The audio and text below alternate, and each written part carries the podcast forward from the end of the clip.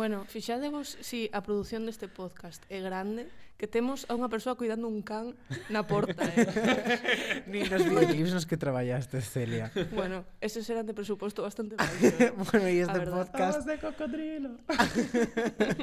a mí eu teño que dicir que nunca xa máis me ofreceran servizo de coidados de cans e algo que se agradece moito. Dalle, Manolo.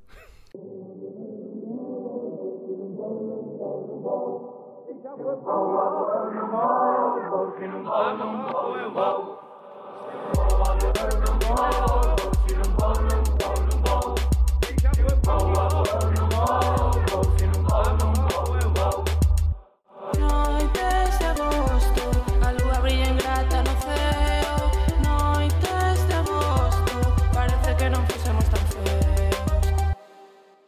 E efectivamente, con estas voces tan melodiosas que calzamos, parecerá que non somos tan feos. Bueno, a verdade é que os meus compas teñen caras bastante decentes. E ti tamén, Celia. Sí. Pero é que se si pudese ver a de Anxo... Di hola, Anxo Fariñas. Hola. E, bueno, a de Daniel Portela, sempre tan contento. Aquí estou. Teño uns compas ben feitos e alegres. E eu son Celiairas, a intensa do grupo. Papá, la reina de Marte Santo. e detrás dos controis está Manolo Fidalgo, que somos ben desagradecidos porque no anterior programa se nos esqueceu darlle as grazas á Facultade de Ciencias da Comunicación da USC, que nos están cedendo altruistamente este espazo. E ademais, despois de tantos anos de aguantarnos chegando a gravar as nosas radionovelas e magazíns de resaca, senón directamente borrachas, coa voz toda casposa e toda chea de gallos. Hoxe vimos o estudio moito mellor, sanísimas, expertísimas e preparadísimas para dar a batalla.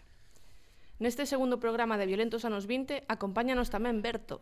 Hola, que tal? Berto Mira, que dicir o apelido así queda como máis profesional. Músico, produtor e amigo do programa.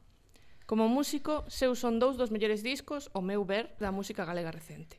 Embora, converto con V, e Sinto, converto con B. Todo o mundo escoitalo.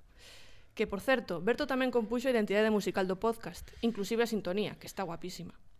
Na súa faceta de produtor, Berto está facendo auténtica escola, Fillas de Cassandra, Nia Tui, Michael Leinaz, Ashdiz e uns cantes máis.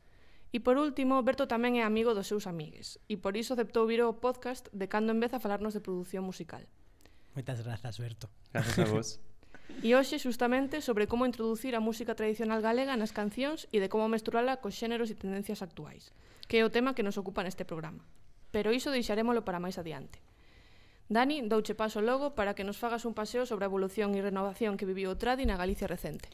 Moitas grazas, Celia, pois alá imos. Bueno, a xente que está sentada nesta mesa saberá que a creación acostuma partir dunha transformación. Para este proceso adoita revisitarse o coñecido para darlle unha nova forma, outra interpretación, sexa máis fiel ao orixinal ou máis rupturista. Isto é o que sucede con música tradicional. De portas cara dentro ou de portas cara fora, A música tradicional ten moito que ver co que identifica un pobo, co que se tocou, compartiu e ensinou. Por iso, non é extraño que cando Celia presentara o anterior capítulo mencionara unha morea de músicos que traspasaran fronteiras co folk. Ninguén dubida que a música tradicional leve pegada inherentemente a etiqueta de galega. Aquí entran instrumentos melódicos como a zanfona ou a gaita ou instrumentos de percusión entre pandeiretas, pandeiros e cunchas. Canto a xéneros e formas adoite traballarse coa muñeira, a xota ou característico alalá, entre moitas outras. É común utilizar pezas concretas moitas delas gardadas na tradición oral e transmitidas de xeración en xeración. Quero traer aquí unha afirmación que fai o grupo DOA, partícipe da modernización do folk, nunha entrevista concedida al país alá polos anos 80 con motivo do lanzamento de Roada, o primeiro selo discográfico galego. Así que escoitámola coa voz de, de Celia. Polo momento, parecenos importante e interesante seguir cunha labor de recreación do folk. Trátase de coller o espírito que ten esta música e non as súas notas. É dicir, coller o seu toque e reconvertelo para que sexa un vehículo válido para expresar nos nosos tempos. Fernández Rego, na súa Historia da Música en Galicia, case o noso libro de, de referencia de momento, sitúa unha primeira revisión a finais da década dos 70 e outra no momento contemporáneo unha primeira revisión do folk, quero dicir. Esta é unha categorización útil para agruparlo por tempos, pero unha renovación ou modernización que realmente non se detivo en ningún momento. Os prexuizos sobre a fusión do folk con outras influencias xa caían entón, a finais dos 80, sobre Emilio Cao. El dixo que, que en Fonte do Araño, o seu primeiro disco, xa había puristas que criticaban que usase guitarras eléctricas e ecos de, de repetición con, con, con zanfonas. Acao recoñéceselle abrir un camino á música celta en Galicia e a recuperar instrumentos como a arpa sobre a que se atribúe o mérito de ser o primeiro en rescatar dentro da música tradicional do Estado español. Así se escoita na súa Pandeirada de Nebra ou mesmo no tema homónimo ao álbum Fonte do Araño que abre o, o LP. Onde vai o teu rego, onde vai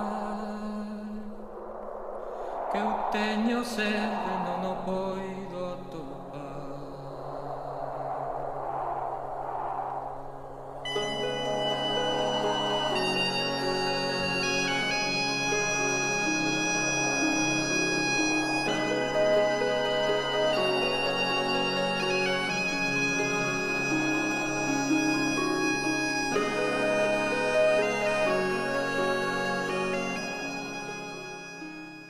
máis de cao fican na memoria formacións como Milladoiro ou Berrogueto ou os gaiteiros Carlos Núñez, Cristina Pato e Budiño, cuxos primeiros traballos discográficos son de finais dos 90 e aínda seguen en activo.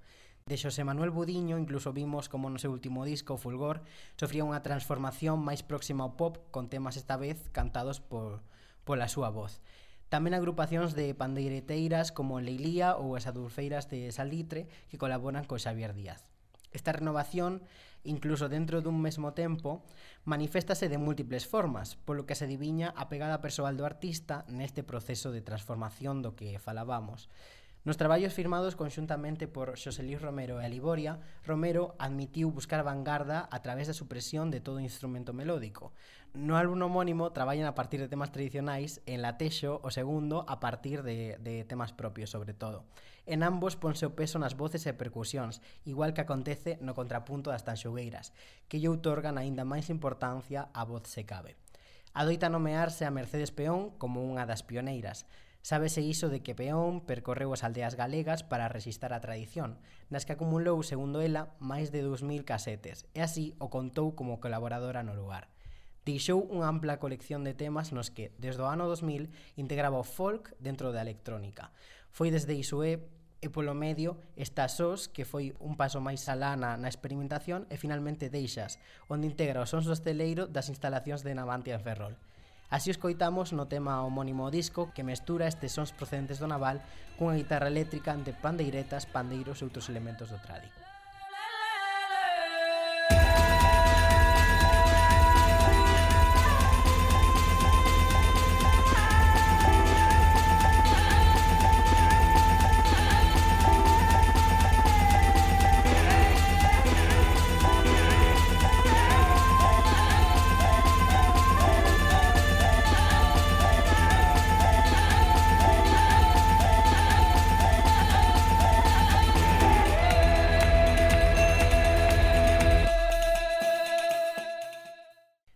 anos para aquí foron sumándose novas voces a este amplio repertorio. As cales amosan as, as infinitas posibilidades de metamorfose da nosa música. Aí está o proxecto de Alejandro Guillán, Bayuca, que por medio da electrónica transformou a música tradicional nun produto para a pista de baile universal, ou o de Cernadas, que dá aínda un paso máis cara a música experimental.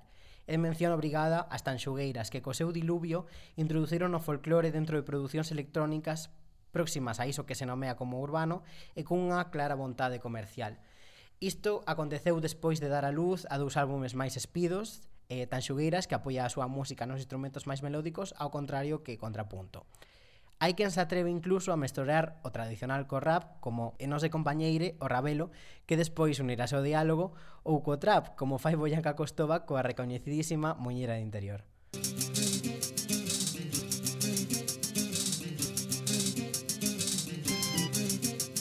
Farruco foi ao muiño, Volveu cheo de fariña. El muiñeiro non é Eu non sei con quen andaría Non sei con quen andaría Que mira como camiña Marchou onte pola noite Volveu hoxe polo día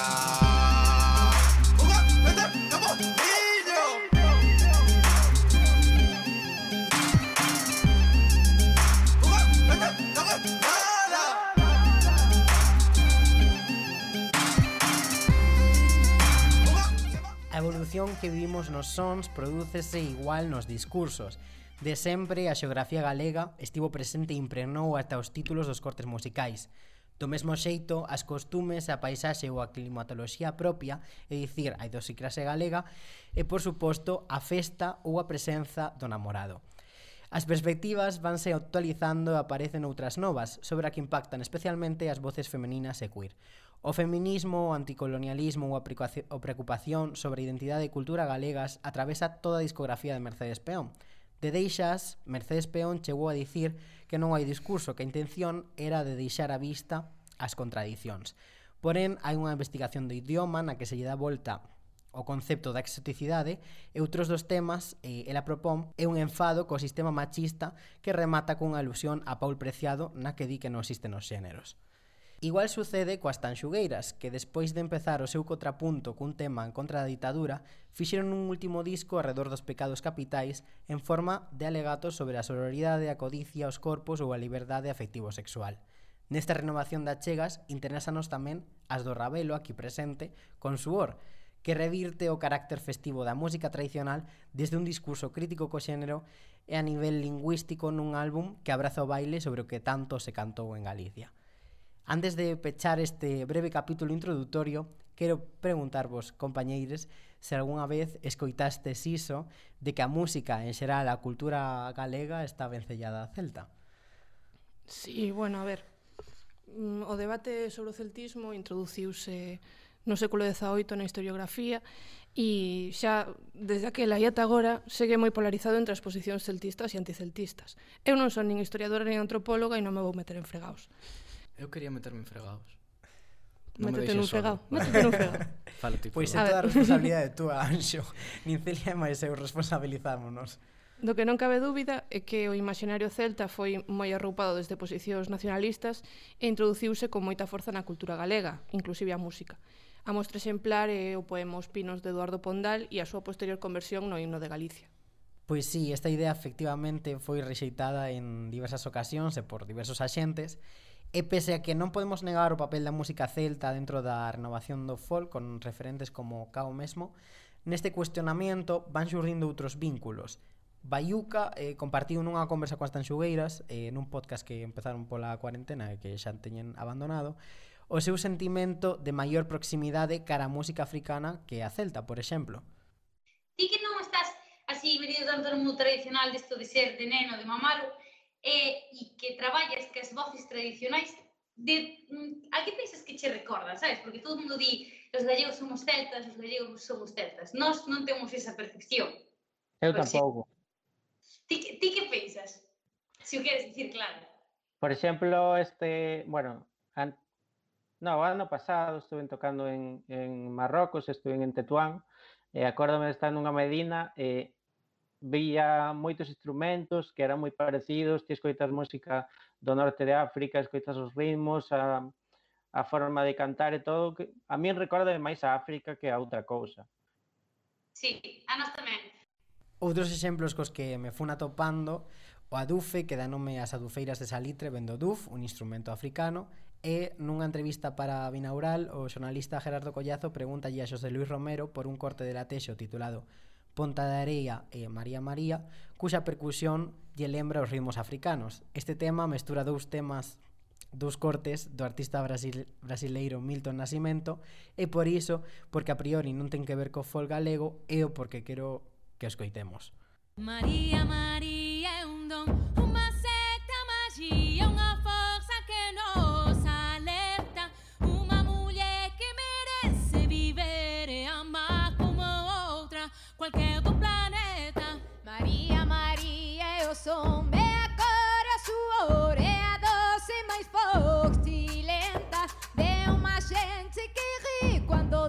debe llorar e no vive, apenas aguenta. Lendo a varios dos artistas nomeados aquí, fun vendo como moitos non concibían esta renovación como un obxectivo propio da súa música, senón que tratan o seu proxecto como unha chega persoal. Desta forma é como pouco a pouco van rascando os posibles prexuicios e dando forma a sonidos únicos. Todo isto é o que fai que, por exemplo, Fillas de Cassandra poida citar referencias como Bad Gyal ou Rosalía sen necesidade de ser xulgadas por iso, e de que o seu produtor, Berto, tamén aquí nesta mesa, decida poñer unha gaita ao revés en as moiras. Xa Mercedes Peón se declaraba fan de Bjork nos 2000 e iso deixase intuir nos seus temas. E pa non selo. Home, unha cantidade de nomes e ideas quedaron soterradas entre, os, entre estes minutos polas limitacións de recursos de tempo e por unha visión centrada inevitablemente na cara discográfica desta modernización. Pero coido que, unha vez máis, o diálogo cos meus compañeiros sirva para deixar agromar aquilo que falta ou para discutir algunha destas primeiras aproximacións. Mm -hmm. para aprofundar nisto temos hoxe connosco a dúas persoas de dúas caras distintas pero moi unidas no ámbito da música. O Ravelo, rapeiro emerxente no, no panorama galego que vende publicar o pasado ano o seu disco Suor, logo do seu primeiro EP que prende faísca no 2020 e de publicar temas no 2021 con este, con Nadia González. Que diredes vos mm, que este era un episodio sobre trap, entón mm, rap igual non pega, pero bueno, a ver, é que o Ravelo é rapeire, pero non por iso deixan de escoitarse nos seus temas rumbas, muñeiras ou xotas. Ademais, leva o seu proxecto artístico persoal máis alá, co lema de Alza o Fociño Ceo, cunha base de formación social e política moi potente da que de seguido falaremos e que está patente en todas as cousas que fai, dende rap, a libros, narracións ou o seu propio blog. Moito gusto contar contigo, Xerrabelo. Ola, moitas grazas. E por outra banda, temos tamén no estudio a Aitana Cuétara. Aitana é produtora musical e dirixe Lurneda Producións, unha axencia galega especializada no sector da música tradicional e folk, así como no jazz e noutras músicas do mundo. No seu catálogo atopámonos con agrupacións xa mencionadas como Xavier Díaz e Adufeiras de Salitre, ou Caldo, de Seis Sisters, Moura, Ruxe Ruxe... Ademais, levan a organización de eventos e festivais como o que non se escribe ou o Jazz de Ría. Con ese dobre eixo na produción musical e na programación de festivais, Aitana coidamos é a persoa ideal para podermos comprender a relación entre a efervescencia cultural actual do traz galego, as sinerxias da industria musical e a situación da programación musical no país. Un placer terte connosco, Aitana. Moitas grazas. Unha pregunta, a primeira xa para ti, Aitana, exageramos cando dicimos que hai un boom no traz? Non, non exagerades nada. Non é a primeira vez que pasa, eh? tamén vos lo digo, pero, pero bueno, é maravilloso que, que isto se poña de moda, non? Ás veces falamos de, de que algo está de moda e, e parece que é algo negativo dicir iso. Eu sempre penso que cando algo se pon de moda, si que de cada millón que se suman á moda, logo quedan tres, son tres que gañamos, non? E eu eh, precisamente veño como dese outro boom anterior que falaba antes dese desta influencia do rollo celta e tal, non? Que ten unha estética así un pouco hortera desde o noso punto de vista, pero nos 90 era lo máis, sabes? E eu cheguei á, á música tradicional grazas a ese boom dos anos 90 e aquí estou. Sabes, si de cada millón que se xuntaron nos 90 quedamos tres, pois pues somos tres que gañamos, así que sí, hai, desde logo estamos vivindo un momento de moda total. Pero o feito de que volva a rexurdir, a verdade parece Mm, ilusionante, non? Polo menos que, que esas modas ou booms momentáneos non, non acaben de desaparecer. E ademais, xa o dicía antes Dani no, no estado da cuestión, está permeando a outros xéneros, o rap, o trap, o urbano. Non sei como ves isto como produtora, que está significando, como pode estar mudando o xénero en resposta a isto? A ver, eu creo que, que estamos tendendo cara á normalidade da música tradicional, que é o que debe pasar, non? Ou sea, eu creo que si todo o que nos facemos na nosa vida, todas as músicas que facemos, de todos os estilos, con todas as estéticas, teñen este pouso identitario, pois todas son como maravillosamente propias, non? É o lóxico, é pensar isto, non? Que en todas as culturas de todo o mundo, con todas as influencias que recibimos todo o tempo, o lóxico e que, e que se sinta de onde son, que se sinta esa cultura tradicional de fondo, é o que eu penso que é lóxico. Entón, creo que agora estamos camiñando cara a esa normalidade, que, hai músicas de, de todo tipo, que o que está agora como tendencia mundial, pois esta onda máis urbana, é lóxico que se faga esa música entre a xente nova, pero con o noso pouso identitario que, que está aí, que non podemos rexeitalo, non? Que non, non podemos, o sea, non é que non debamos, é que non podemos de verdade, porque o temos dentro, non? É como unha necesidade, entendo eu e unha corrente, unha, unha normalidade ou normalización moi fermosa que se aprecia en traballos como, como dicíamos antes, Suor de, do, de Ravelo. Ti fas rap, pero nutreste claramente de noitas moito o escoitar o disco do, do Traz. Non sei se era unha mestura buscada ou se sucede como a tantos outros que era simplemente unha chega persoal como, como ti sentías que debías facer a música que che gusta. Pois en realidade non sei moi ben como de onde ven exactamente. Sí que hai como claramente, agora que estaba dicindo Aitana, isto de, da, da identidade dentro do estilo musical que ti fajas, eh, collera o teu pouso identitario, entendo que isto era como... Era, suor era un experimento para facer eh, ritmos tradis, polo menos un, unha, hai unha xota unha muñeira e logo unha chea de ajarraos, unha cantidade descomunal de ajarraos, bueno, hai dúas muñeiras, en verdad, Em, entón, era como que en todas as cancións, se si escoitabas algunha canción eh, illada, puideses escoitar un, un pouso da identidade a, era neste, neste experimento a nivel sonoro. Entón en, todo hai, en todas as cancións hai samples e sonidos de, do tradicional. Nas percusións, nos instrumentos melódicos eh, hai moitas coplas tradis está como aí. E ti mm, velo como algo illado neste disco algo que che gustaría darlle continuidade eh, en futuros proxectos? Estou experimentando, en realidade, estou buscando eu personalmente como como jo, pois estou buscando a miña identidade a moitos niveis, pero musicalmente un pouco tamén como como a identidade colectiva se pode traducir en música. Entón, nin é aljoillado porque no anterior disco tamén sucedía, pero agora como que teño máis coñecemento e fun aprendendo máis e cada vez máis. O sea, como que a progresión é como un cada vez máis. Un, un camiño avanzando, non, non deixando de progresar. Uh -huh. Eh, É importante este, este fenómeno musical a nivel cultural e social. Non sei, Aitana, se ti percibes unha gran significación social ou política detrás da decisión de normalizar ou poñer ou volver o, o traz unha parte de todas as músicas galegas.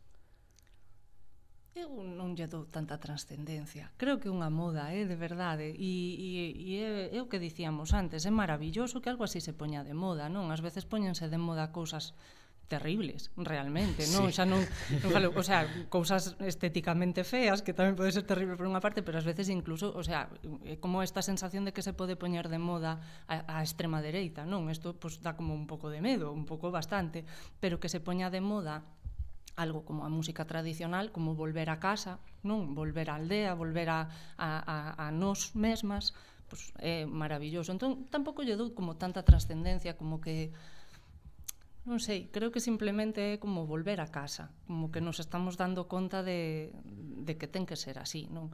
Pero isto vaise pasar, ou seja, non é algo que, buah, está pasando todo isto e é genial e para sempre, non, que va, dentro duns anos ponse de modo outra cousa e xa está, pero algo quedará e eso é, é positivo sempre, non?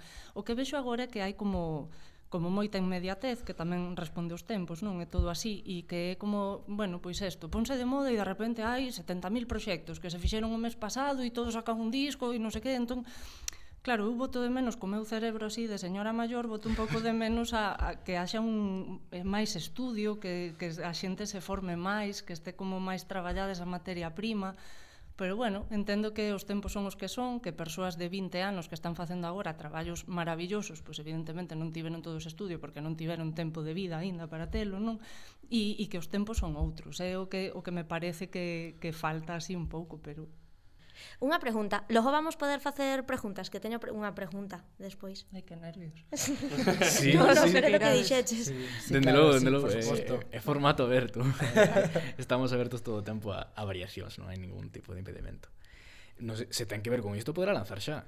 Vale, pois é que tiña, me deu curiosidade porque, bueno, es que mm. estou un pouco hiperestimulado porque dixeches cousas moi interesantes.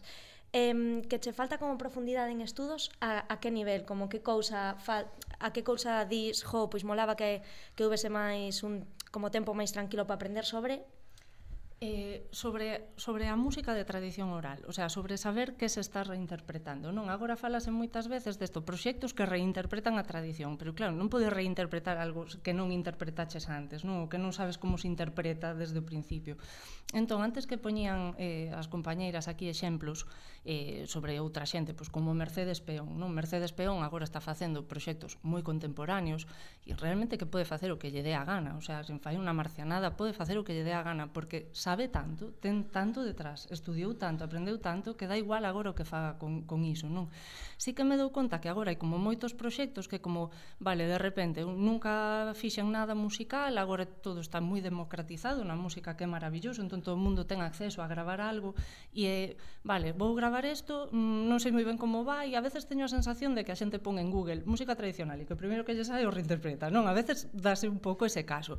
E digo, jolín, pero estou vivindo agora como un proceso tamén como de, de transformación eu interna, eh, de entender que responde a, inmedia, a inmediatez esa da que falábamos antes, non? Que toda esta xente primeiro pois recollía toda a súa vida, estudiaba mil anos, pandeirete, canto, non sei que tal, e desde pequena, e cando tiña 35 anos grababa un primeiro disco super tradicional e despois con 50 chegan a facer o que fai agora Mercedes.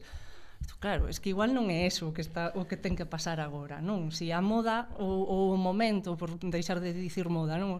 Se o momento é este, pois é este, tens que facelo xa, non? E tampouco te... O sea, vai un pouco por aí, que eu tamén, o sea, doulle como cantidad de voltas a isto, eh?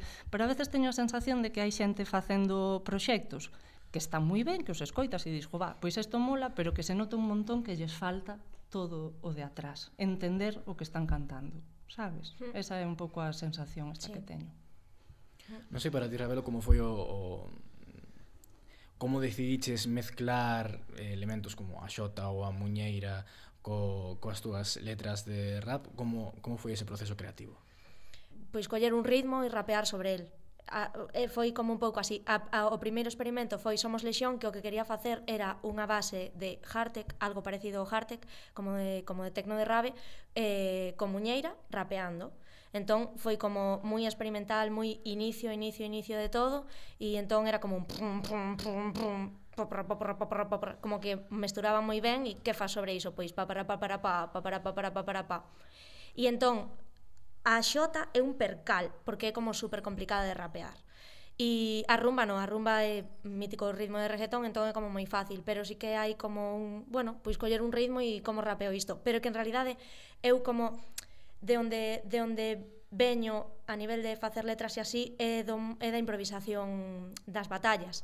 Entón, pa min que me poñan un drill ou un trap ou un boom bap a de repente que haxe unha xota ou unha muñeira é que é un ritmo máis.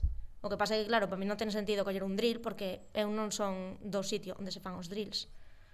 De feito, eh, menciono, non lembro agora cal era a canción exacta na que falabas de mm, non son persoa racializada, perdón por... Na xota do seixo. Na xota do seixo.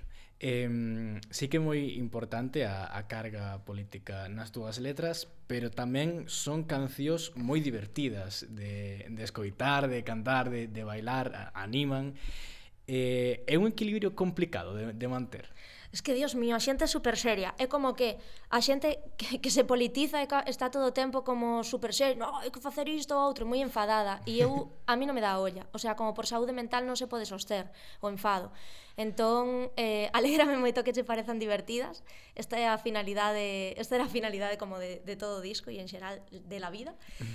E, e entón, como que Jo, pois iso, como que ti si es un pouco consciente da, do mundo no que vives é imposible que non te enfades e, e toda esa tensión a un, pa min a forma que teño de rompela porque un, estou aprendendo a enfadarme pouco a pouco pero como enfadarme non se me dá moi ben pois o humor é a forma en que en que son en que xestiono a frustración e o enfado e a tensión.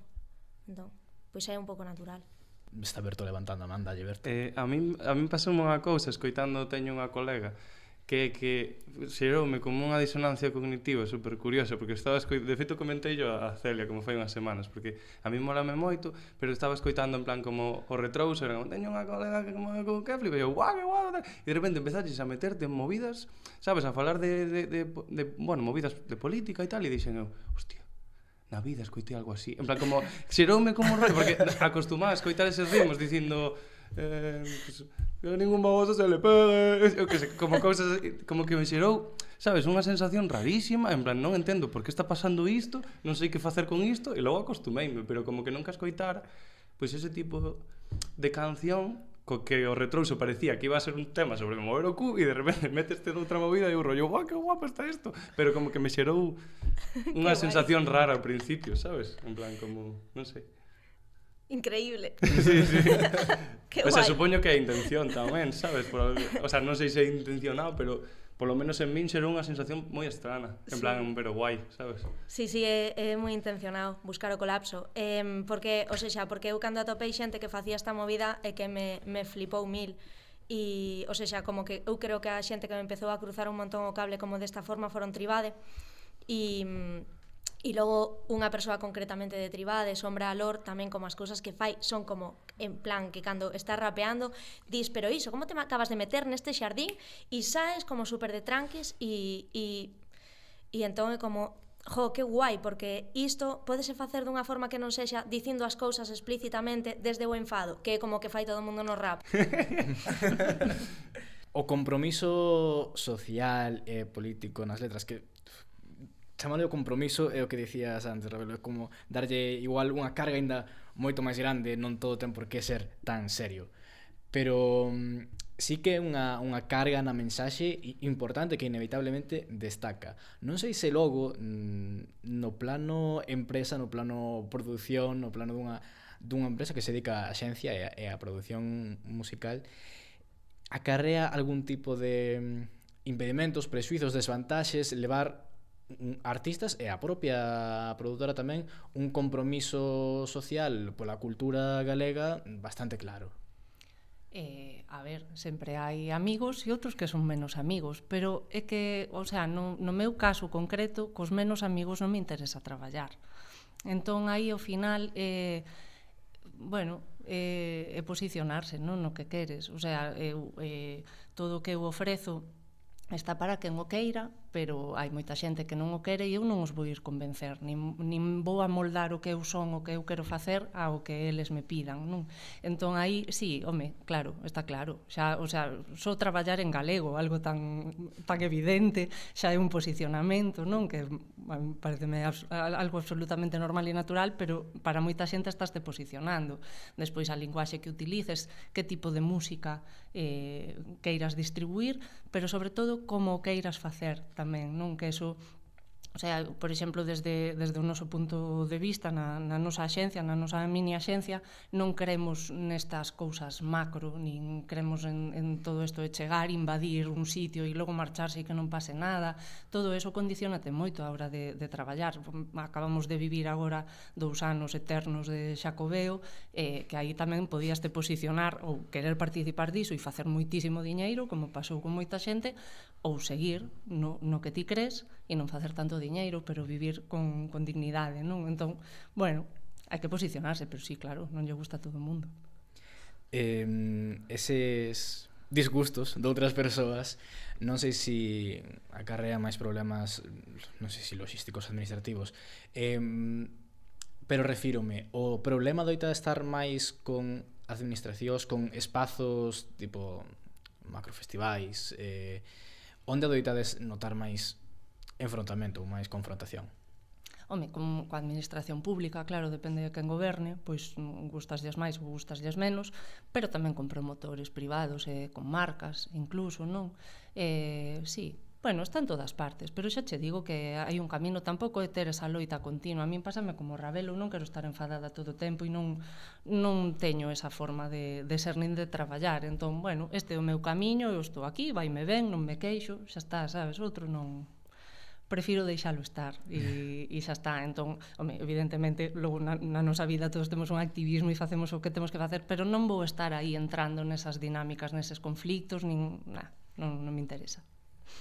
Eh, en moitas ocasións sentimos, bueno, parte do nacemento deste podcast ten, ten que ver con, con isto, eh, falta de espazos de, de debate ou discusión ou de intercambio sobre moitos temas sociais e eh, culturais. Non sei imos ir por partes primeiro no, no mundo do, do traz que, que tanto manexa Saitana non sei se percibes igual que se aplauden moitas cousas sen análise ou, ou se hai pouco espazo ou pouco intercambio entre artistas e, e produtoras que realmente poidan facer que ese que ese xerme eh, do, do trad non sexa tan mm, boom momentáneo e poida arraigar. Ai, que difícil pregunta. eh, A ver, é que creo que, que temos como, eh, non sei, que hai como unha ruptura, eh, non sei se si xeneracional ou que pasa, non? Pero eh, sí que hai como moita xente profesional da música tradicional eh, xa xente de unha idade e moi vencellada a outro tipo de, de proxectos e, e, e de grupos e tal, e logo todo isto que está pasando agora que non está directamente vinculada con, con axencias que se dedican á música tradicional ou con proxectos que só sexan de música tradicional, porque está todo isto como moi misturado, e que agora non, as etiquetas estas son moi complicadas de poñer, non? O sea, é música e música e xa está, e está pasando de todo. Entón, eh, Eh, que, claro, espazos de debate, xa non sabía que me preguntaras. Eh, que claro, o que pasa moitas veces é que eh, todo isto que está pasando agora, que é interesantísimo, non está dentro do que é a música tradicional desde sempre. O sea, a xente da música tradicional de sempre eh, vive absolutamente allea a todo isto que está pasando, non? Entón que o mellor, tampouco me vou poñer eu aquí, non? Pero que, que teñamos o pé nos dous lados, igual somos catro, realmente. O sea, non sostemos isto, non? O sea, eu estou nesa parte de aí atrás, pero estou aquí como entendiendo entendiéndolo todo muchísimo de veña a tope cos chavales, non? Que a veces é un pouco este rollo. Pero, pero que, joa, que hai moi, moi pouca xente que este traballando nesta das dúas vías. Entón, bueno, de momento, pois sí, falta, falta moito espazo de traballo, de debate e de todo. Eh, nos, agora, por eh, así un pouco de autobombo, neste festival que, que aparte nomeabas antes cando falaches así un pouco da miña traxectoria, o que non se escribe, eh, máis que un festival é eh, como unha especie de, de encontro, non sei como chamarlle, sobre arquivos, son, arquivos sonoros da música de tradición oral e creación contemporánea. Entón, aí, ademais de haber música ao vivo e outras cousas, o que hai son moitos lugares para falar deste tipo de cousas, non? E non tanto de que está pasando agora coa música, senón de que é todo isto que temos, que facemos con todo isto para poñelo a disposición do que está pasando agora.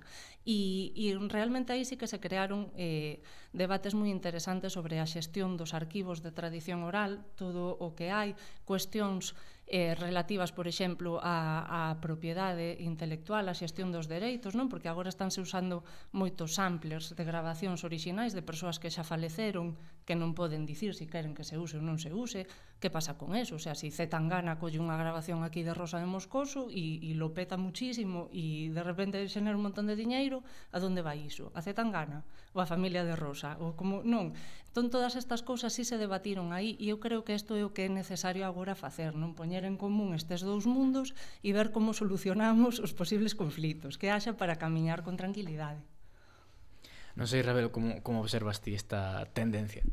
É que total, ou sexa, penso, estou super de acordo no tema de que hai pouca xente que esteamos como nos dous mundos, como realmente eh, pois no mundo do tradi, dos seráns, de ir a rúas ou de ter interese pois por coñecer cales son os arquivos sonoros que hai, hai moitísima xente como que ten movidas gravadas, recollidas feitas que non se sabe, o sea, que non se pode acceder a elas porque a xente a ten pois nun disco duro ou nun vídeo ou, pff, sabes, en plan na súa casa.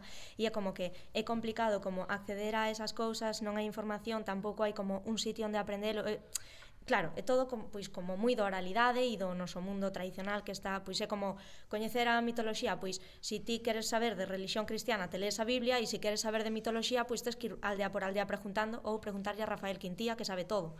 Pois un pouco con eu vexo como como como isto que que que claro, a xente do tradi E, e claro, eu estou en, en dous mundos do tradi, estou na rejeifa e estou, en, e estou no, na música tradi. Entón, vexo que a xente do tradi, o que hai fora, pois o mellor escoita na radio ou así, pero como que se ti te ves pandereteire, pois o mellor non te ves como música como de outro de outros ámbitos e a, e a xente da regueifa vese como da regueifa, pero non iría a competir unha batalla de jalos. E, e, e do mesmo xeito, a xente que está facendo música de outros tipos, Como que o mellor quere coller algún elemento, pero isto de buscar en Google música tradicional e coller un elemento e poñelo, no? coller a música máis mítica, non sei que, e utilizala. E non hai como unha profundidade niso, igual que a xente das batallas de Halos, pois di, pois a rejeifa, pois é unha cousa, pois non sei, que afaja algunha xente, pero como que eu son unha persoa que improvisa na Jaliza e non teño ningún tipo de conexión co, coa tradición de improvisación que hai na Jaliza, que isto pasa en todas as batallas de Halos en español, en autoxestionadas polos chavales en todo en, en todo o territorio. Acabo de dicir Estado español, non dicías, bueno, na Galiza. Eh, entón é como que como que isto, como que ti de repente miraste aí e un pouco pois como non binarismo de tradicional e modernidade, ¿no? En plan como, mm, bueno, pois esta esta movida, esta esta outra, lilu lilu, pf, e, a, e aí como pululando, ¿no? Como que non hai un iso como un, un, unha, hai unha pequena curiosidade, pero unha pequena curiosidade de tampouco me vou lanzar a piscina do outro, do, do descoñecido, non? Sí, sí, eso, exactamente eso. Eh, non sei, para, para ir pechando a entrevista, como vedes o, o futuro do Traz no, ti precisamente Aitano viches os dous eh, tes, con, tes os pés nos dous booms como dicías antes eh, non sei se si agora pensas que pode xermolar algo máis do que no anterior ou se, ou se polo menos o sedimento vais acumulando e. Sí, eu espero que sí, pero eu creo que é porque é máis diverso, porque está chegando como a, a xente máis distinta, non? E a estéticas máis distintas que o que pasaba nos 90 que era todo bastante parecido, non? O final miramos para para Irlanda, para Escocia, todo este rollo celta, non sei que, sempre, teño un colega que sempre dicía que o punteiro da gaita de Carlos Núñez estaba feita coa tibia de Breogán, que me facía moita gracia, un pouco como darlle como xa a, a, a volta, non, a toda, a toda esa historia. Entón, eso era como unha estética así tan concreta que o te encantaba ou, ou non, e xa está. Agora hai tanto, tan, tan diferente, tan diverso, eh, claro, vai quedar moito máis pouso, eu creo que sí, pero bueno, non o, non o cae agora, eh? Ainda estamos subindo, non chegamos ao pico, chegaremos e logo empezará a baixar, pero algo quedará, sí. Non sei como vesti tamén ese, ese proceso, Rebelo. Sí, todavía seguramente como se experimentará un montón e seguirá pois iso como como subindo a moda ou como se chame, non sei, a, ata que chegue un punto pois que de repente aparece outra cousa e a xente pois empece a experimentar con outra cousa. Benvido sexa que, que sexa coa, coa nosa cultura e oxalá que a ver a, a que leva isto, no? Pero pero ué, pero pero para min tamén tamén comparto, no? Como que hai agora todavía uns anos nos que vai seguir isto aí e despois pois pois se pasará.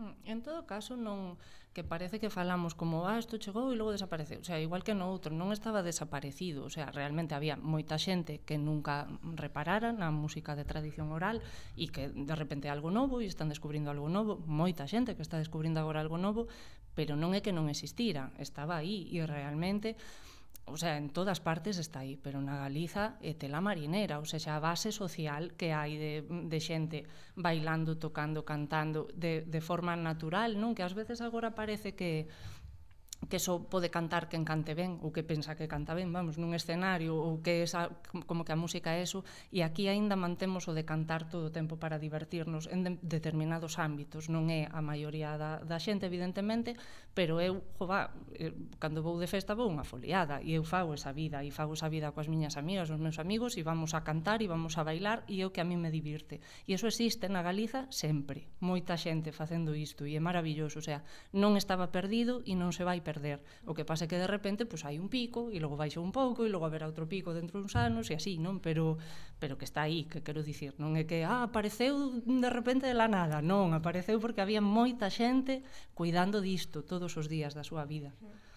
E agradecese moito que, que sexa así. Eu quería dicir algo con respecto a isto, que como o, o valor que ten, que, que moitas veces pois, a, ou a xente non o sabe ou non somos conscientes do valor que ten que unha cultura tradicional siga viva de xeito natural, en plan como o valor que ten realmente como que a xente siga facendo o de que cando vai a cando vai a unha foliada, un serán, eh, pois alguén eh, empeza a tocar unha melodía e hai varias persoas que a coñecen e cada quen saca unha copla e isto non está pensado con anterioridade, sino como o carácter este como superoral que vende aí atrás ou que a xente se xunte e cada quen dun lado, unha persoa saque punto e o resto miran, imitan e repiten, esta base de, de onde ven como que siga vivo e non sexa unha cousa como que se institucionalizou ou que se academizou ou que se, de alguna forma, como se estandarizou, ten un valor moi, moi, moi grande, como que, bueno, non sei, a min, o meu profe de, de Pande dime que, que é a única, bueno, es que non sei se é certo ou algo así, bueno, isto é o que eu transmito,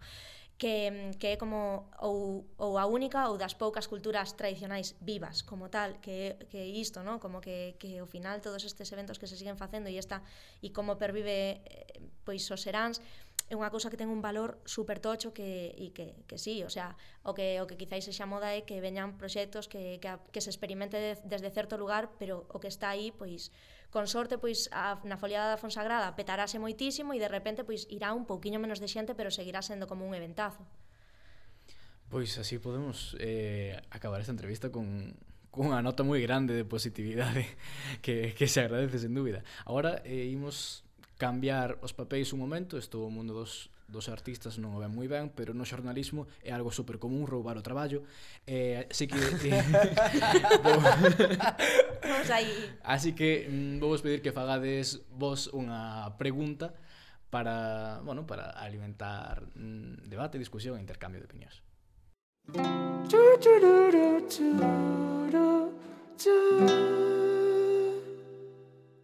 Eu teño unha moi concreta, que a verdade eu eh, o traballo do Ravelo coñezo menos en realidade, pero estásme parecendo como de, de un interese tan enorme que, que bueno, vou ir para casa agora a, a, a buscar todo, non?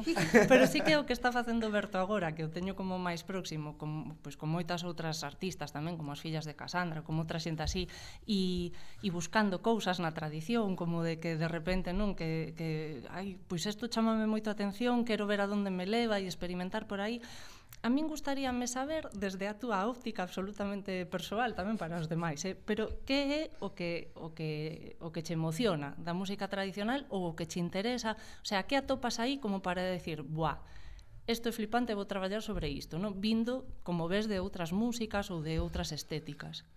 A ver, a min o, o que me aporta e o que creo que é algo moi guai é como que eh, eu levo escoitando esa música como a todo o mundo aquí pois dende pequeno e como A ver, eu xa o falei contigo aquela vez que estaba, bueno, fixe unha residencia con Aitana en, en Mariñán e foi cando nos coñecemos eu dixenlle que nunca fora unha foliada na miña vida, eu son un muchachito de ciudad, o sea, asqueroso. Entón, nunca foi unha foliada e, claro, de entón de súpeto atoparme con este mundo, tal, ver o boom e todas estas cousas e de repente atoparme coas fillas de Cassandra, escoitar o que me propuxeron e pensar eu dende a miña óptica de persoa que non ten nin idea o que non tiña, máis ben agora son unha persoa formada, como podía aportar eu dende un ordenador, sabes, algo novo a esa melodía ou a esa rítmica, pareceu o máis fascinante do mundo, sabes? Porque era como, vale, isto xa existía antes de que eu fose un cateto, agora sigo sendo un cateto, pero que podo aportar a isto que me mola tanto e que acabo de descubrir dende a miña óptica de persoa que non sabe nada disto. Entón, o que me pasa producindo para a peña que controla máis que eu é que aprendo un montón, pero que dou unha perspectiva super externa a, a música. Sabes? Entón, proporciono como quizáis unha óptica pois super diferente con unha persoa que estea constantemente metida no mundo do tradi. Sabes? E eu creo que iso é positivo porque o debate é moitísimo máis amplo, sabes? O sea, eu son isto e as persoas coas que curro son todo o contrario. Entón, chegar a un punto intermedio entre a música queda desta maneira, sabes? A mí parece o máis fascinante do mundo, sabes? Porque é como un muchachito moderno cunha persoa que lle mola o tradi xérase X, e ese X pareceme como moi estimulante, sabes? As que nos mola o tradi tamén somos modernas. Xa sei, xa sei. Digo moderno como algo malo. O sea, digo moderno en plan, jaja, nunca nunca fumaba feria. Sabes o que che quero dicir? En plan, non como, non como moderno como algo positivo, sabes? Digo moderno pijipi sabes? Ese rollo. entón, como que era un pouco o que me apasiona iso, sabes? Darlle unha perspectiva externa e, e sobre todo, bueno, agora sí que controlo e aprendín un montón e, e tal, pero cando empecé a currar, pues non tiña ni idea de nada. Entón, creo que iso era o, o guai, sabes?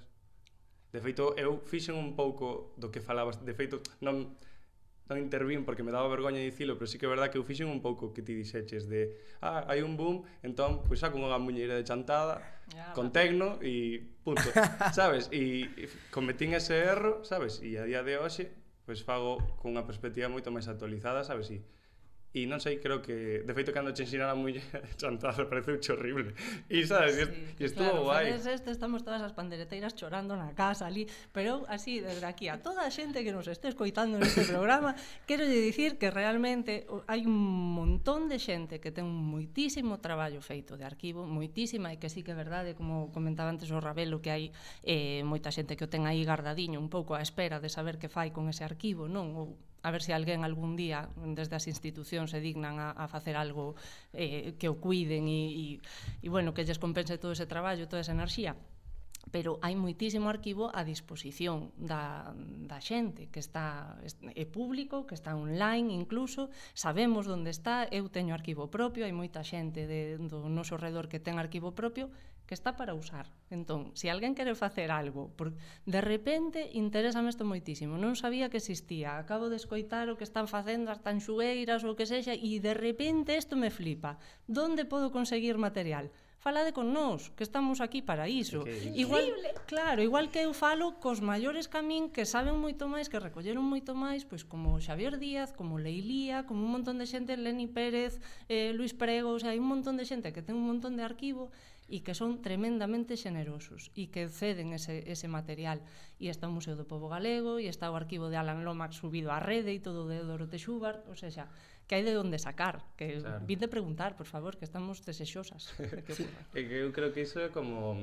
Eu, como penso eu con respecto ao tradi agora é que ao final eu vivía no meu mundo da miña cámara de eco de viva o pop e viva a música eso, popular en plan, pois, de, un, globalizada e todo este rollo, ao final unha vez entras en contacto con persoas que controlan e estableces un diálogo, aí está como un pouco cando podes nutrirte realmente do rollo, sabes?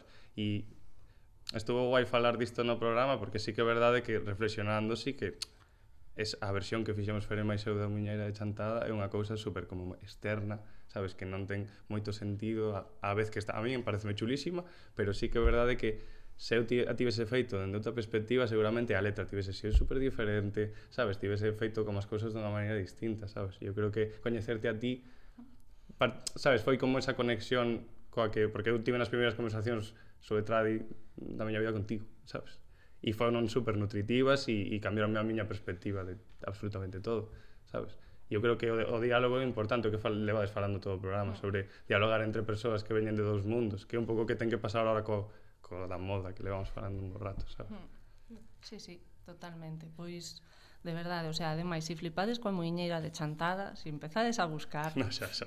Vamos, o sea, é que, é que hai hai, bueno, non sei, eu hai cantantes aí de, o sea, falábamos antes, Rosa de Moscoso sí. para min é a mellor cantante que eu escoitei na miña vida. Nunca escoitei a ninguén cantar tan ben como esa señora, nunca. Nin Beyoncé, ni nada, o sea, ninguén canta como Rosa de Moscoso. Entón, hai tanto, tanto que descubrir aí e cousas tan complexas sí, sí. que ides flipar. É que o de Rosa de Moscoso ensinadas moi unha auténtica locura como xoga con o sea, modula moi bueno, unha pasada. Mm. É que é un desfase en plan o que o que sucede a nivel musical dentro claro. do trad é como, buah, é que son idas de olla ou movidas que pasan a nivel rítmico e como, buah, chavale, que vos pasastes o xogo, en plan. sí.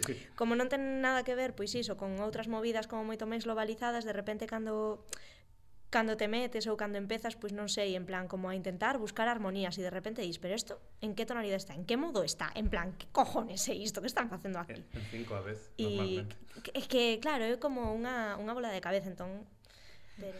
Eu como Berto, a verdade que chego como un rapaciño de cidade a todo do tradi admito que ata hai uns anos eu tiña os meus propios prexuizos sobre o tradi que como que custame e tiña un certo rexeitamento cara a ese tipo de pois música, pero que eh, bueno, xa de un tempo para aquí, pero sobre todo preparando estes días o podcast é que cheguei a conectar eh, sobre todo co, coas percusións e co, co, coas voces dunha maneira que non fixera antes eh, descubrindo cousas que como que sempre estiveran aí eh, moi alleas a, a miña vida e que de verdade sí que sinto que con, con todo isto que estamos falando que vexo como moitos compartimentos estancos eh, en todos a, a, a todos os niveis e eh, a nivel xeracional que eu penso que non é unha cousa só do tradi, eu penso que faltan pontes que, ten, que temos que tender entre as xeracións eh, máis novas coas xeracións máis maiores porque de verdade eu penso que dos dous lados temos moitas cousas das que falar e incluso de ao tema de acceso a recursos o, o do que falabades agora do do tema dos arquivos e eh, tamén a nivel musical estes compartimentos estancos e eh, logo tamén outras perspectivas pois novas, pois feministas ou, ou queer eh, penso que sí que que, que, que eu penso a conclusión a que estou chegando de toda esta conversa é que precisamos unir todos esos compartimentos e crear espazos de, de, de diálogo porque moitas veces eu penso incluso que, que, que na música ou como funciona eh, en general pode crearse incluso ata máis un nivel competitivo e máis eh, polo tema pois, de que é unha industria e que, que pois, espazos de diálogo e que ao final pois, tamén para moita xente a música é algo bonito e algo que de verdade faise desde o corazón non sei. Hai que fuxir das cámaras de eco hai que escoitar outras persoas. Se queredes imo... Digo, eu, por favor. Eu, eu quero preguntar, sí, xa dixestes claro. o que vos mola de o que vos mola do Tradia vos dous, eh, E a vos? Eu mm, vou repetir o tópico de muchachito de, muchachito de ciudad. Eh, é que é triste, é triste, pero pero sí, era bastante bastante allego. Que penso que o, o máis achegado que puiden estar na miña vida o tradi foi, bueno, indo a concertos da roda de pequeno, pero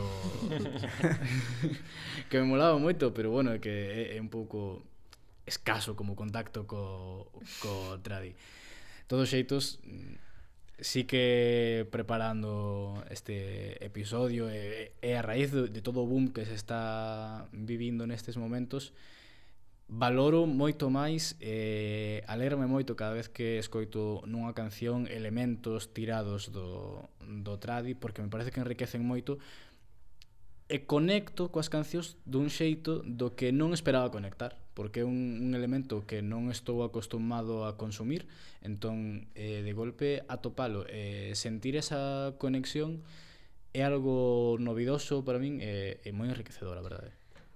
Wow, pareceme a hostia en realidade que os dous digades esta movida da conexión emocional porque é como un pouco como o punto de cando a xente se fai neofalante, non? En plan, cando de repente conectas coa lingua, pois cando conectas coa cultura e coa, coa música, que de repente é como que pois é que é algo que forma parte de ti, aínda que joe, eu tamén me criei nunha cidade, non? Pero non sei, se sale.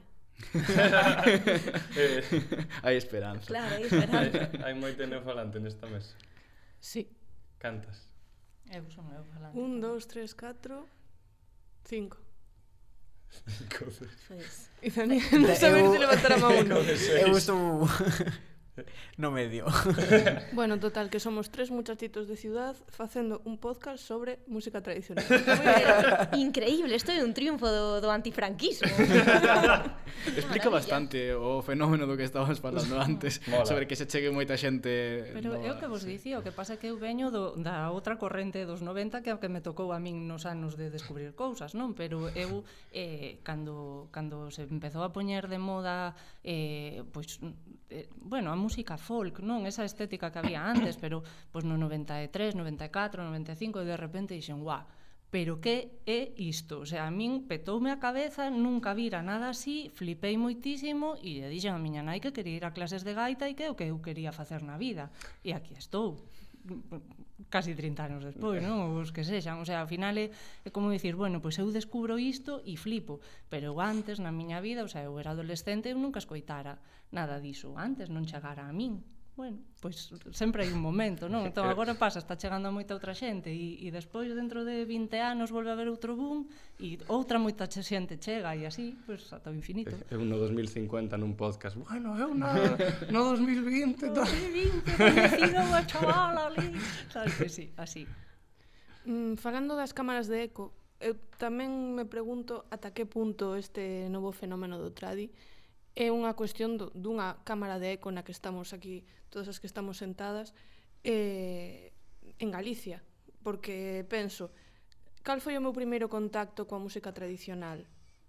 Estaba en primeiro de carreira, nesta facultade, no Avante. E me pregunto eu, mm, ata que punto a, o fenómeno da renovación do trad e do trad a día de hoxe é unha cuestión que solamente chega a unha pouca mocidade máis ben politizada de cara a esquerda? A ver, no, no caso, de, eu creo que no caso desta moda, eu creo que o das tanxugueiras foi bastante mainstream. Non, quero dicir, non foi unha cousa de catro persoas rollo, ah, vivan as panderetas, non foi moita xente, sabes? Todo o mundo pegado ao televisor botando bota tanxugueiras, no, sabes? Quero dicir, isto creo que chegou como máis a unha poboación xeral que, que ao mellor non sei como foi a outra moda, verdad? Descoñezo totalmente o rollo, sí, pero era eh, así, me, a ver, é unha minoría, pero unha minoría moi grande, non? Estamos habituadas a que se, sempre sexa unha minoría absolutamente residual e agora, pois non, é unha minoría, pero caramba, temos un sitio aquí, sabes? Sí, sí.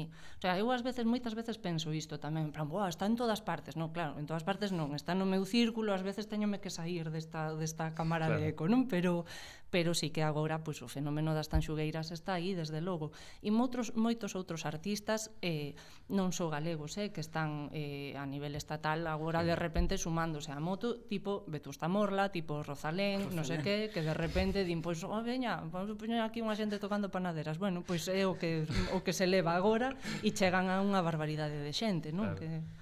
Est, eh, est, estaba pensando xusto de Rosalén que me lembro cando estaba aprend, um, sí, cando estaba aprendendo a regueifar buscando como formas de improvisación, xa Rosalén como hai un montón de anos eh, ten vídeos como de peña facendo improvisación tradicional de, da zona do Segura, creo que la é ou non sei que, ou sea, xa como que o mellor a xente está un pouco como saindo do armario con estas cousas.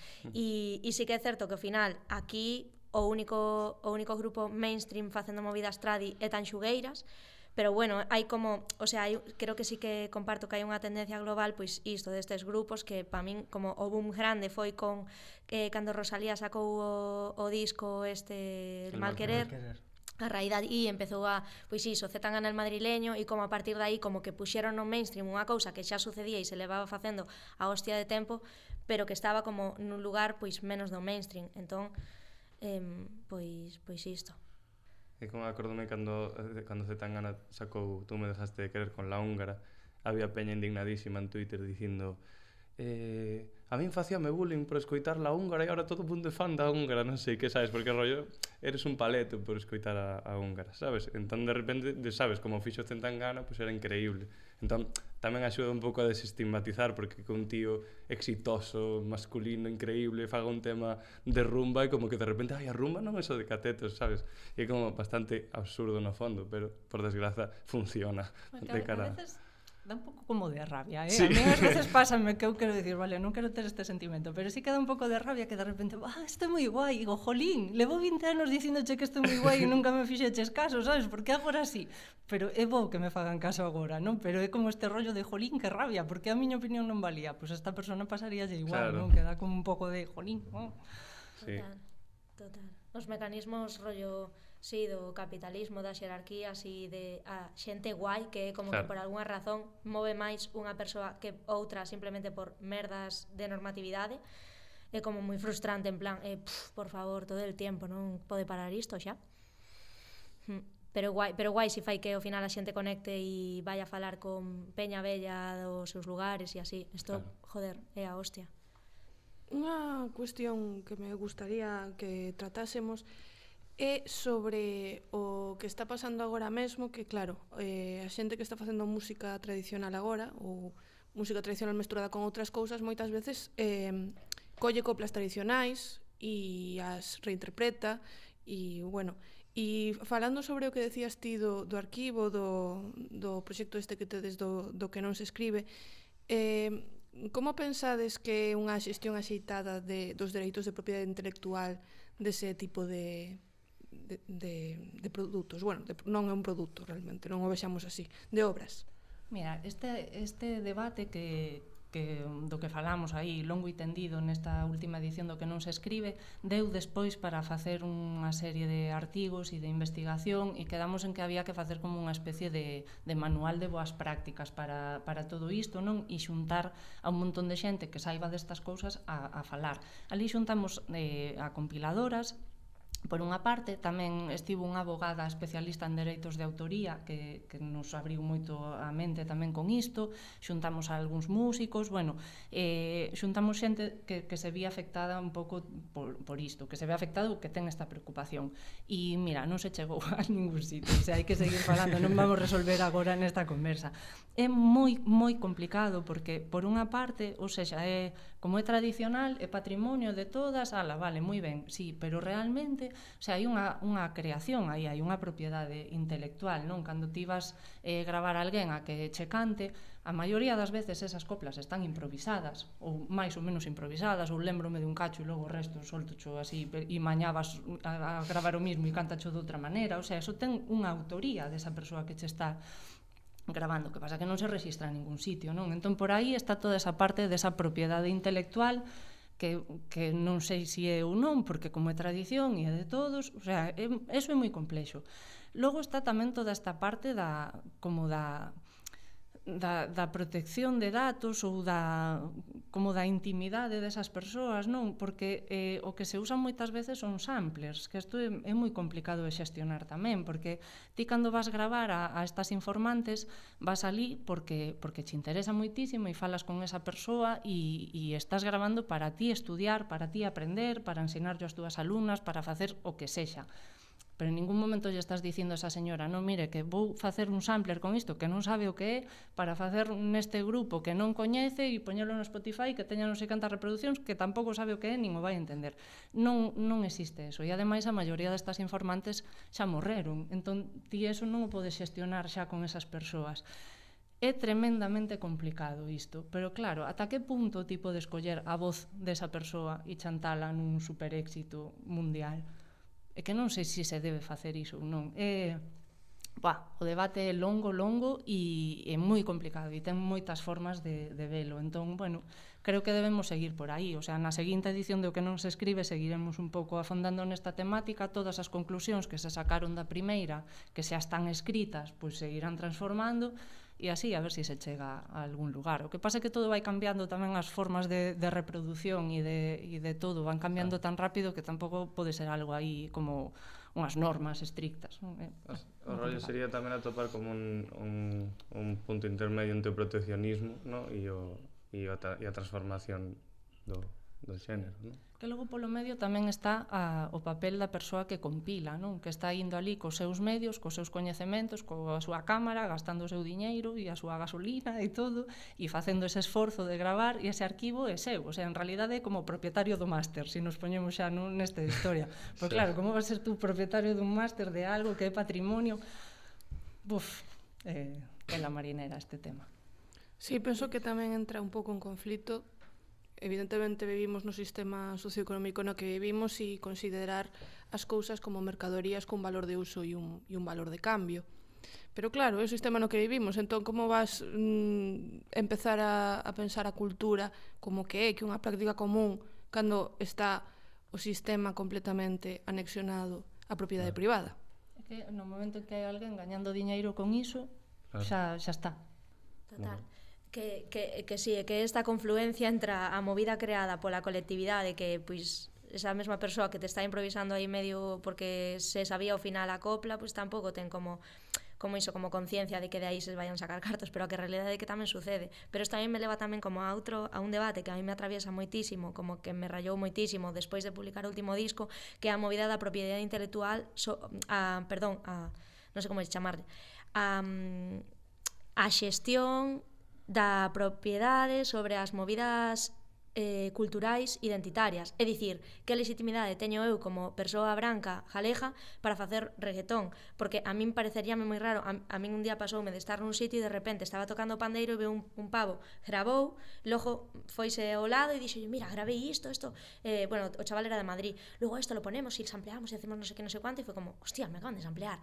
Pero como, joder, pero si eu tamén collo e fajo o mesmo de que estou utilizando movidas culturais que non son que non son nosas, pois, e, e ademais, pois iso, como sacándolle un, un, un beneficio económico desde o momento no que me chaman e me pagan para tocar en sitios. Entón, é como, joe, e eu no reggaetón aquí, pois non o vin tanto porque non hai xente que se xacte tanto como de ser reggaetoneire, pero de ser rapeire sí, e en plan, e yo soy el máis rapero deste barrio, e yo represento el hip hop, e es como, pero pero colega, si eres de Marcón, que vas a representar tío hip hop?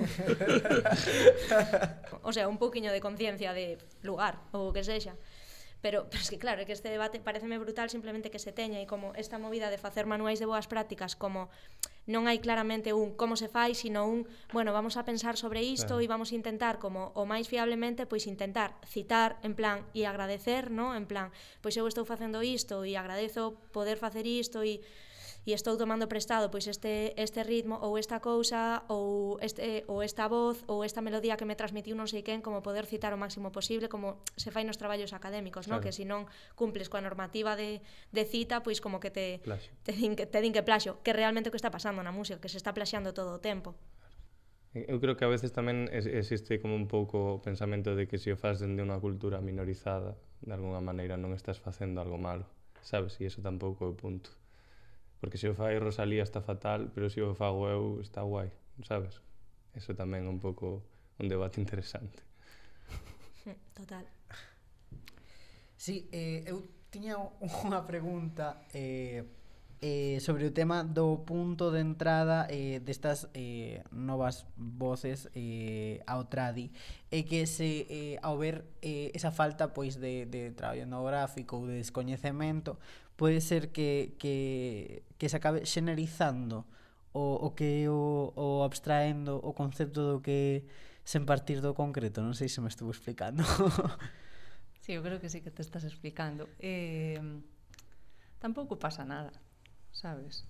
Eu que sei. Eh, o sea, entendo o que queres dicir, eh? eh, é complicado de que pensas así, pero tampouco pasa nada, é como calquera outra cousa do mundo, non? É que ás veces tamén tratamos a, a, nosa, a nosa tradición como algo así como unha cousa que, que está aquí e a poñemos noutro sitio e que non a podemos transformar, non sei que, non pasa nada, é como calquera outra cousa, non? Todo cando cala na sociedade e se vive con naturalidade e está aí, pois pasan un montón de cousas que ás veces nos gustarán máis e outras menos e está aí e non pasa nada. Entón, eh, sí que pode pasar isto que dis ti, pero non, non ten importancia en realidade. Ou non debería tela, vamos. Van sacar un manual de como facer cancións de muñeira. en plan, eh, primeiro pipiri pipiri, despois... Pouca broma, pouca broma con, coa veces o cuadriculada que a xente, sobre todo coa diversidade que hai, no? como en cada sitio se fai como dunha forma concreta, pois pode levantar as perezas, pero me parece guai como esta visión de, mira, non pasa nada, fanse cousas e xa está. Claro, fai o que queiras. Eu, claro, por un, por un lado sí que, o sea, eu voto de menos que haxa como máis curiosidade, non? Pero isto xa é como en xeral no mundo. Dame pena que a xente vote a andar sin, sin fixarse en nada, jolín, pois é un pouco curioso e busca e estudia e, e fórmate pero pasa coa música e pasa con todo, non? Voto de menos que, que a xente en xeral sexa máis curiosa, e non é de agora, é de, de sempre. Entón sí que, jolín, eu creo que se hai alguén que, que de repente se achega así a música tradicional e nota esa emoción como para dicir, pois agora quero facer isto, home, pois pregunta, busca, eh, non sei, sabes, estudia un pouco, pero como calquera cousa, eu que sei, non? Pero, mm. pero bueno, de aí a, a xa pensar que pode ser algo malo que, que flúa así libremente, pois non. Eso está ben. Bueno, pois eh, ninguén quere aportar nada máis, podemos ir pechando o debate. E agora Berto vai nos iluminar eh, este muchachito de ciudad con unos tips sobre como producir música e fedellar no, no Logic.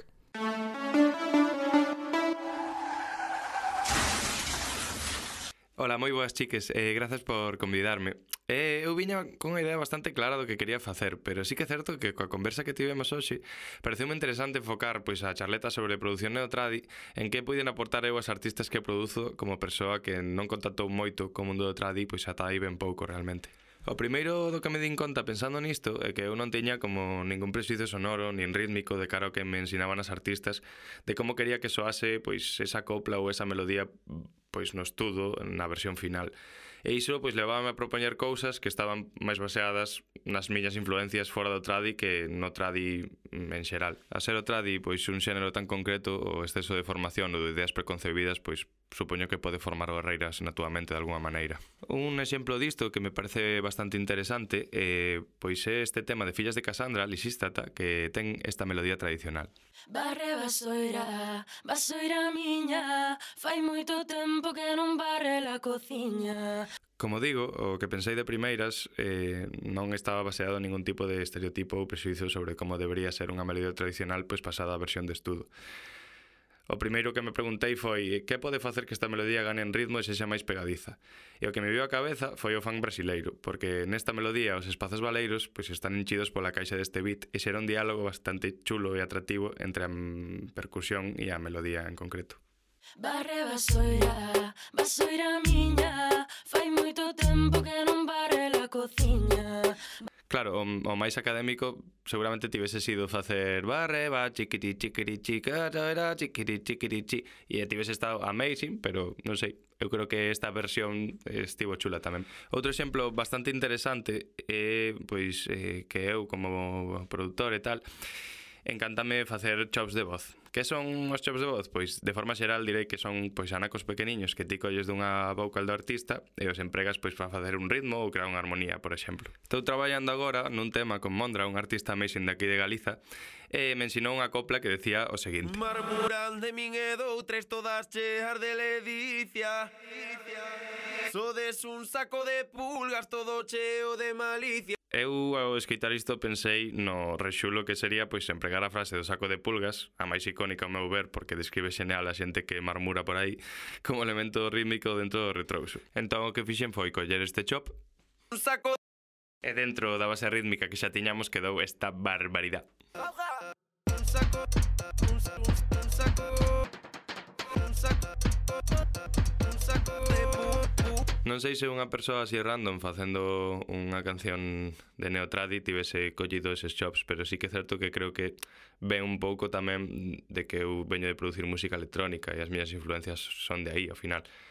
E pois ao que me leva é a utilizar pois recursos de esas músicas en, en, en coplas tradicionais e penso que queda algo como bastante interesante de escoitar e, e que innova ao fin e ao cabo. A min o que me pasa é que eu escoito melodías tradicionais producidas desta maneira e conecto moitísimo máis con elas. Eh, sí que é certo que é porque ao final eu estive en toda a miña vida escoitando música electrónica e, e música urbana entón, pois o meu ouvido está máis afeito a este tipo de sons e como que me xera máis placer auditivo, supoño, escoitar este tipo de, de misturas. Por iso fago así, pero eu entendo que ten que haber de todo e é super importante que exista eh, un diálogo entre o neotradi producido de forma máis analóxica ou acústica, sabes, e o, e o neotradi pois máis electrónico. E creo que, que ten que haber de todo. Igualmente, mm, se pensades que vai haber algunha conclusión sobre o que estou falando, pois non, non son tan inteligentes, só veño aquí a falar do meu libro. Así que nada, chao! Grazas, Berto, por iluminarnos co teu inconmensurable talento. Xa sabedes, mañá mesmo todo o mundo a instalarse o Ableton pagando e a facer un funk brasileiro muiñeira. E agora sí, toca ir pechando este violentos anos 20, que por segunda vez consecutiva nos deixa uns cantos puntos a consultar coa almofada e a discutir nas terrazas que respostas definitivas. Pero para iso estamos, non? Para abrir temas e conversalos, non para pechalos. Moitísimas grazas aos nosos convidades por acompañarnos nesta viaxe. Ravelo, gracias. Moitas grazas a vos. Aitana Cuétara, grazas. Grazas a vos. E moitísimas grazas tamén a Berto por estar aquí con nós por vez primeira e esperemos que non última. Falamos un montón sobre música tradicional, pasámolo xenial e esperamos que que nos escoite o pasase tamén como a nós. Agora imos rematar esta festa como se merece, cunha boa rave. Ano 2000, Espíritu 986 publica un disco homónimo onde se atopa esta xoia, Malela. Malela.